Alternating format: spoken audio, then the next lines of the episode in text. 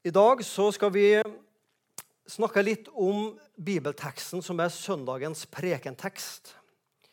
Fra Lukas kapittel 5, 27-32.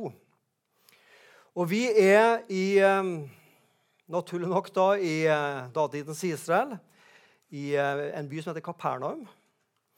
Det er der Jesus sjøl bor. Han var jo født i Betlehem og han vokste opp i Nasaret, men da han ble voksen, så bodde han i Kapernaum. Ehm, og Denne byen Kapernaum i, eller lå da, i Galilea, en grenseby eh, mot andre land, der handelsreisende reiste gjennom for å selge og kjøpe varer. Eh, og Derfor finner vi også en del tollere eller vi fant da på denne tida en del tollere i denne byen som da på en måte skulle kreve inn eh, moms, for å kalle det med dagens språk, Ehm, sånn at eh, de fikk lov å selge sine varer i byen. Og En av disse tollerne skal vi bli litt kjent med i dag. Og Jesus han har den siste tida vært opptatt med å helbrede syke mennesker og kalle mennesker til å bli hans disipler. Og her da, I dagens bibeltekst fra Lukas kapittel 5 så møter vi tolleren Levi, som blir møtt av Jesus. Jesu søkende blikk og to små ord har den nødvendige kraften i seg til å endre hele Levi sitt liv. Kjære Jesus, vi takker deg for denne historien om Levi, om Matteus. Vi takker deg, Jesus, at du så han, du søkte han, og han tok imot deg og begynte å følge deg. Og takk for at det kan være til inspirasjon for oss som lever 2000 år etter dette skjedde. Lukas 5, 27-32. Deretter gikk han, altså Jesus, ut, og han så en toller som heter Levi, sitte på tollboden. Han sa til ham, 'Følg meg.' Og han forlot alt, og han sto opp, og han fulgte Jesus. Levi gjorde så et stort gjestebud for ham i, hjemme i sitt hus. Og Det var en stor mengde tollere og andre som ja, Den tida så satt ikke de bord, de, liksom, de lå til bords sammen med dem. Fariseerne og deres skriftlærde knurret da mot disiplene hans og sa, 'Hvorfor eter og drikker dere sammen med tollere og syndere?' Men Jesus svarte og sa til dem, 'Det er ikke de friske som trenger lege, men de som har det vondt, altså de sjuke.' Jeg er ikke kommet for å kalle rettferdige, men syndere til omvendelse. Jesus har øyne som søker mennesket. Han var Han kikka alltid etter mennesker. Det kan vi lese flere steder i Det nye testamentet. At han ser enkeltpersoner som han kaller til tro og etterfølgelse. Og Blant disse som Jesus på en måte fikk øye på, er tolleren Levi. Jesus så syke, han helbreda dem. Han så demonbesatte, han satte dem i frihet. Eller hva det nå måtte være som vant mennesker. Jesus så, og han hjalp de menneskene han så. Ja, ikke bare så Jesus, men vi leser også at Jesus hadde denne evnen som eh, jeg er veldig glad for at dere ikke har, det å lese andres tanker. oh, det måtte være fælt å være sammen med mennesker som leste tankene dine. ikke sant? Jesus hadde den evnen. Han så gjennom. Jeg vet ikke om han så gjennom hodet eller hjertet, eller hva han så gjennom, men han leste jo tankene til folk også. Oh. Og Det virker jo litt skremmende. vet du. Men la oss tenke heller at Jesu øyne og blikk er som en vennlig far og mor som ser etter og leter etter barnet sitt. Passe på at barnet ikke kommer i fare. Du har sikkert, og jeg har, møtt mennesker som har noe varme blikk. Det er liksom godt å møte deres blikk. Og jeg tenker, sånn var Jesus. Han hadde en helt spesiell evne som jeg ikke har, og kanskje heller ikke du, til å ha et sånt varmt blikk som liksom mennesker i møte med Jesus. Han ser meg, han gjennomskuer meg, men han elsker meg like fullt. Det er godt å møte slike mennesker. Jesus lette etter mennesker han kunne kalle til å følge etter seg. Og Her møter vi altså Levi.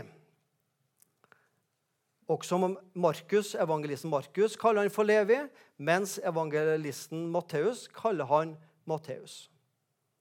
Det kan være to, men mest sannsynlig så er det samme person, og at det er tolleren Matteus som senere skrev evangeliet etter Matteus, som også da hadde navnet Levi. Levi Matteus.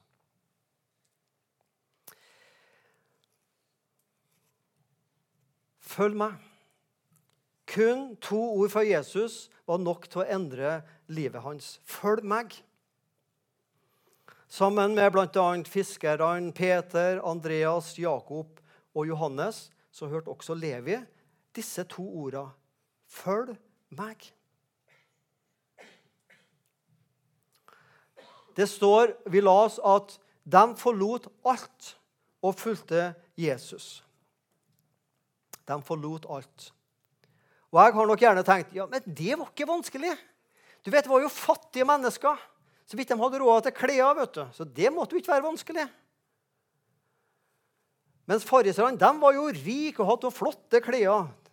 Jeg skjønner jo at det måtte være vanskelig for dem. Nei, da snur vi ting på hodet. Fariserne var ofte veldig fattige. Mens tollerne og fiskerne var ofte rike, hadde mye penger, var velstående. Så det var ikke lett for Levi, hvis han tenker økonomisk, å forlate businessen i tollboden og begynne å følge Jesus. Han forlot en godt betalt jobb, familie, trygghet, for å begynne å følge i fotsporene på Jesus. Han visste jo ikke hvordan dette kom til å ende. Han valgte et liv som var og forblei på mange måter utrygt. Her var ingen lykkeprofet eller suksesspredikant til følge. Nei, kallet og troa hadde sine omkostninger for, også for Levi. Livet med Jesus, etterfølgelsen av Jesus, ble på mange måter en sånn berg-og-dal-bane. Ja, han hadde mange oppturer med Jesus. Ting gikk bra, men så snur vind, og motgangen kommer i hverdagen. Men også da ville Levi følge Jesus. Og det så jo ut som om alt ville rakne da Jesus ble eh, fanga, tatt til fange og ble korsfesta. Vi leser jo i ettertid, så vi kjenner jo historien. Men for dem som levde midt oppi det, måtte jo tenke Det var feil. Jeg har kasta bort to-tre år av livet mitt. Dette ble jo bare ille. Nei, men de valgte å holde fast på Jesus. Og så godt som alle disiplene, i alle fall hvis vi tenker disiplene de tolv da, Det var jo flere enn tolv disipler, men de tolv nærmeste apostlene, mer eller mindre alle av dem, ble martyrer. Døde for det kallet de fulgte.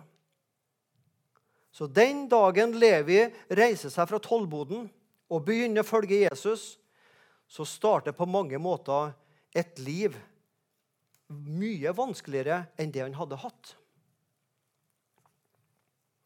Hvorfor sier jeg dette her? Jo, fordi vi gjør både den Gud, den kristne tro, og mest av alt den vi møter, er en urett hvis vi på en måte formidler et eller annet sånn Kom til Jesus, og livet vil bli positivt og bra på alle måter. Dere skjønner jeg karikerer nå. Men hvor fristende er det ikke å si liksom Kom til Jesus og liksom ah, Det blir bra, alt. Ja, det blir bra til slutt. Og det blir på mange måter bra også. Men ikke bare bra. Det vitner iallfall Nytestamentet om, at mange som fulgte Jesus, fikk det ikke lettere, men vanskeligere. Hva tenker vi om en muslim som kommer til å tro på Jesus? Jo, han vet at nå blir det vanskeligere. Jeg blir kanskje forlatt av min familie for å skifte religion.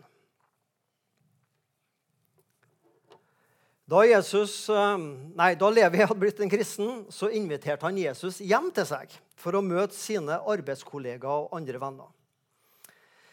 Det står det at han inviterte Jesus hjem til seg.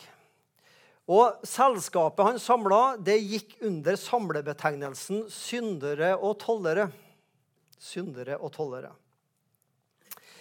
Det var ikke akkurat den moralske eliten Jesus fikk møte denne dagen. Syndere og tollere. Det var dem som ingen med godt navn og rykte ønska å bli sett sammen med.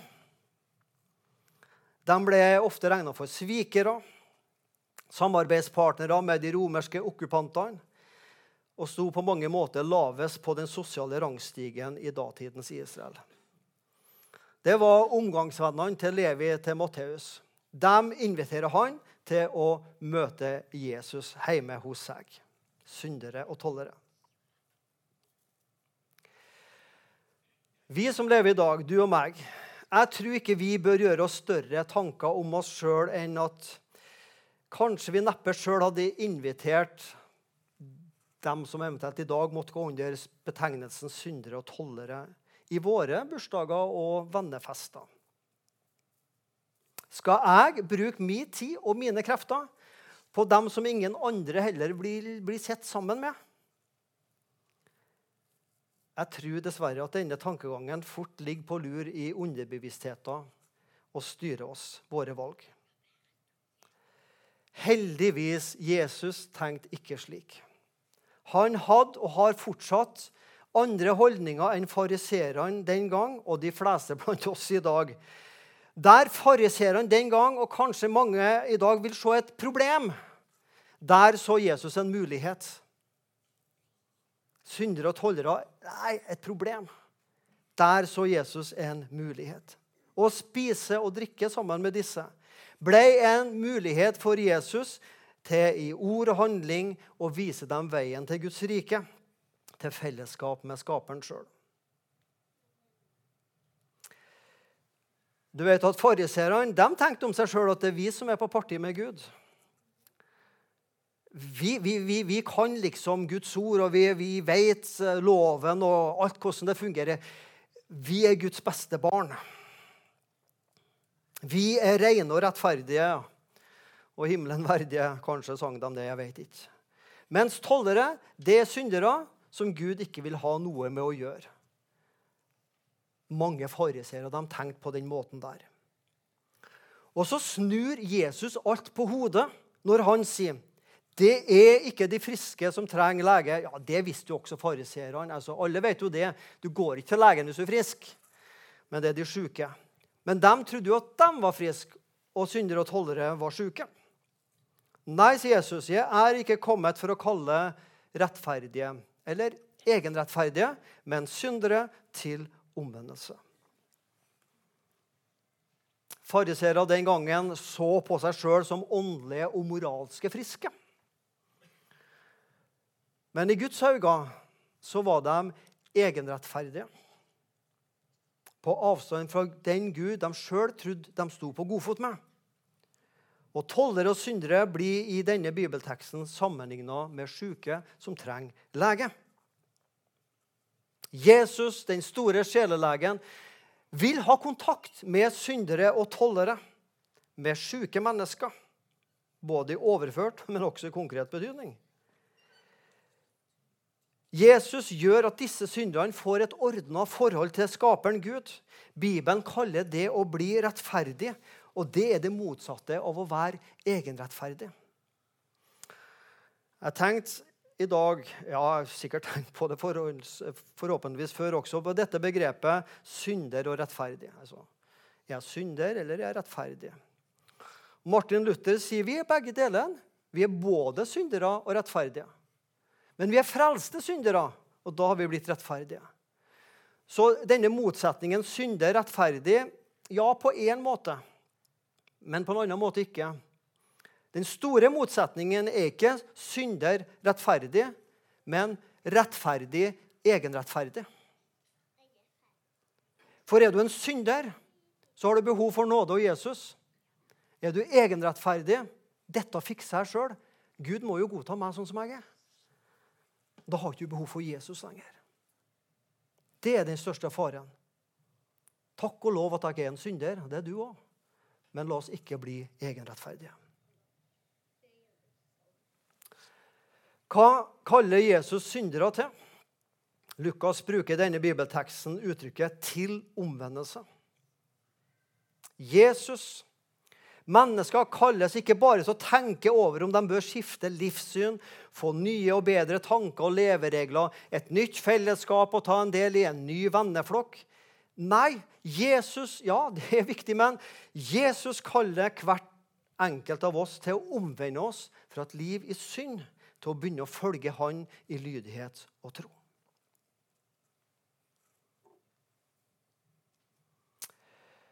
To ord fra Jesus endra tolleren sitt liv. Følg meg. Nå har Levi, Matteus, blitt en kristen. Og jeg tror at jeg vet litt hva Matteus tenkte. For det kan vi skjønne ut fra at han inviterer sine venner til selskap med Jesus. Han tenkte sikkert hvordan kan jeg nå få fortalt mine venner, mine arbeidskamerater, at jeg har blitt en kristen? Det spørsmålet skapte uro og bekymring hos han. For problemet til Levi det var sikkert flere ting, men han syntes ikke han var så flink med ord og snakk. Etter hvert ble han jo flink til å skrive. da. Han skrev jo et evangelium. Men han syntes ikke han var så flink til å snakke, så han tenkte muligens sikkert hvordan kan jeg få sagt de riktige ordene til mine ikke-kristne venner uten at det dummer meg ut? Har du tenkt det noen gang? Hvordan skal jeg få vitne om Jesus? Hva slags ord skal jeg få bruke uten at jeg liksom dummer meg ut? Vi skal ikke ta håndsopprekning på hvem som har følt det sånn. Men jeg kan jo si at det står en på scenen som har betaling for å vitne. Han kjenner ofte på det også. Så velkommen i klubben. Her ble løsningen for Levi for Matteus. Det ble som følgende en kopp kaffe. Hva mener jeg med det? Jo, han tenkte som følgende. Jeg lager til et selskap for Jesus, så inviterer jeg Jesus til å møte vennene mine. Og da vil de nok skjønne at de også bør følge han. Ok, Hva mener jeg med en kopp kaffe? Jeg skal forklare det. I to bøker som jeg ikke har lest inngående, men som jeg har bladd litt i. En fra en norsk pastor, predikant, som heter Oddvar Søvik. En bok som heter 'Gå og fortell' og fra en par amerikanske pastorer som heter, eh, boka heter 'Hvordan bli en smittsom kristen'. Så skriver disse om ulike måter å være et vitne på. Som kristne er vi ulike når det gjelder mennesketype, evner og erfaringer. Det som vil fungere godt for den ene, fungerer kanskje ikke så godt for en annen, og motsatt. Men i begge disse bøkene så skriver de om en måte å vitne på som kalles selskapsmåten. Selskapsmåten, jaha. Det var denne måten å vitne på som Levi brukte da han hadde blitt en kristen. Han inviterte sine arbeidskollegaer og slekt og hva det måtte være, til å møte Jesus. Og slik bekjente Levi for sine venner at han nå var blitt en kristen for å si det på en veldig hverdagslig måte. Levi koka kaffen, og Jesus sto for snakkinga. Jeg inviterer vennene mine, så koker jeg kaffe og lager til litt enkel servering som bare vi karer kan. Og så får Jesus ta seg av snakkinga og fortelle om Guds rike. For det syns ikke han Levi at han var så flink til. Tar du poenget? Eller hva er poenget mitt? Hvis du lurer på det? Jo, en bursdagsfeiring, et hagefest, et juleselskap eller bare en søndags ettermiddagskaffe med naboene kan fort bli en mulighet til å dele troa. I tillegg til naboer og arbeidskollegaer som kanskje ikke er kristne, så kan vi jo invitere noen kristne venner, noen fra menigheter som vi syns er litt flinkere enn oss til å snakke om Jesus. Og så kan du styre med maten, og så kan noen andre fra menigheter stå for snakkinga til dine venner som ennå ikke kjenner Jesus. Selskapsmåten. Var ikke den fin? Jeg syns den var veldig fin, for det kan jeg jo si, det er jo ikke jeg som fant på den. Nei, Levi han praktiserte selskapsmåten. Det som står på storskjermen, er litt lite for dere. Men jeg fant et stykke i avisa Dagen for noen få år siden, der en amerikansk pastor hadde laga til sin menighet 41 tips til nabolagsmisjonær. Nå skal ikke vi lese alle de 41 punktene. Men jeg skal lese noen punkt som jeg syns var veldig stilige, som jeg har gula ut for min egen del. Del bakevarene dine. Ja, Den er jo litt enkel for meg, da, men jeg kan jo få kona til å bake det først. Det kan jeg, Del noe godt til naboen. Inviter naboene på middag. Engasjer deg i borettslaget, velforeningen. Denne satte jeg utropstegn bak. Takk ja til invitasjoner fra naboene. Den er jo enklest, for da slipper jeg å gjøre noe. Da er det jo dem som må gjøre noe. Ja, men eh, møt naboene. Takk ja til invitasjoner. Åpne hjemmet ditt for å se sport med naboene. Kanskje det. Så kan du først se at Rosenborg slår Viking, og så kan dere ta en prat om Jesus etterpå. Jeg fikk ingen amen halleluja på det, hørte jeg her i salen. Men eh, ja. Syng jula inn med naboer. Også et av punktene et flott uh, tipsliste. Jeg har flere av dem, så hvis du har lyst etterpå, så kom til meg, så skal du få en sånn tipsliste. Poenget hos denne amerikanske pastoren som laga denne lista, det var å si Ikke tenk for stort om det her med å vitne. At de liksom skal åh, at det blir så stort at det blir umulig. Men bruk hverdagslige aktiviteter som man kan invitere sine ikke-kristne venner og naboer i til at det kan bli en naturlig måte å begynne å snakke om livet, snakke om hva som er viktig for deg, om troa, om Jesus. Vi gjør det av og til litt for innvikla og vanskelig. Levi, Matteus, han inviterte til en kopp kaffe og kanskje noe smørbrød, eller hva det nå var. Og så var Jesus der, og så sto Jesus for snakkinga. Finn din måte til å være en nabolagsminister på. Hvordan spredde den kristne troa seg så voldsomt i den første tida? Hvordan gikk det fra å være en lita sekt i Jerusalem til i løpet av ca. 300 år å bli en statsreligion i hele romerske riket? Jeg tror det var først og fremst vekkelseskampanjer. Møteuka. Det var det sikkert også. Men det var hverdagskristne, deg og meg som hverdagskristne, som delte troa med sine arbeidskollegaer, naboer. Hva betyr Jesus for meg? Har du lyst til å høre hva som er viktig for meg? Kan jeg fortelle deg litt om troa mi? Ingen sier nei til det, vet du, for da er man uhøflig. Ja, fortell litt. Så sår du inn litt, og så ligger det der. Så får du kanskje en ny mulighet om ei uke eller om en måned. Og så er det en prosess hos et menneske til det en dag tenker OK, det med Jesus det vil jeg lære mer om. Jesus er kommet ikke for å kalle egenrettferdige. Jo, Jesus er også kommet for å kalle vi som av og til kjenner fariseeren i oss og egenrettferdigheten. Han er kommet oss til å kalle oss fra egenrettferdighet til sin rettferdighet. At jeg kan vite om meg sjøl, og du kan vite jeg er ren og jeg er rettferdig. Jeg er himmelen verdig, og jeg er det Jesus Kristus, og jeg er det alt nå. Lykke til med å være en hverdagsmisjonær. Kjære Jesus, her kommer vi til kort. Jeg og sikkert mange med meg.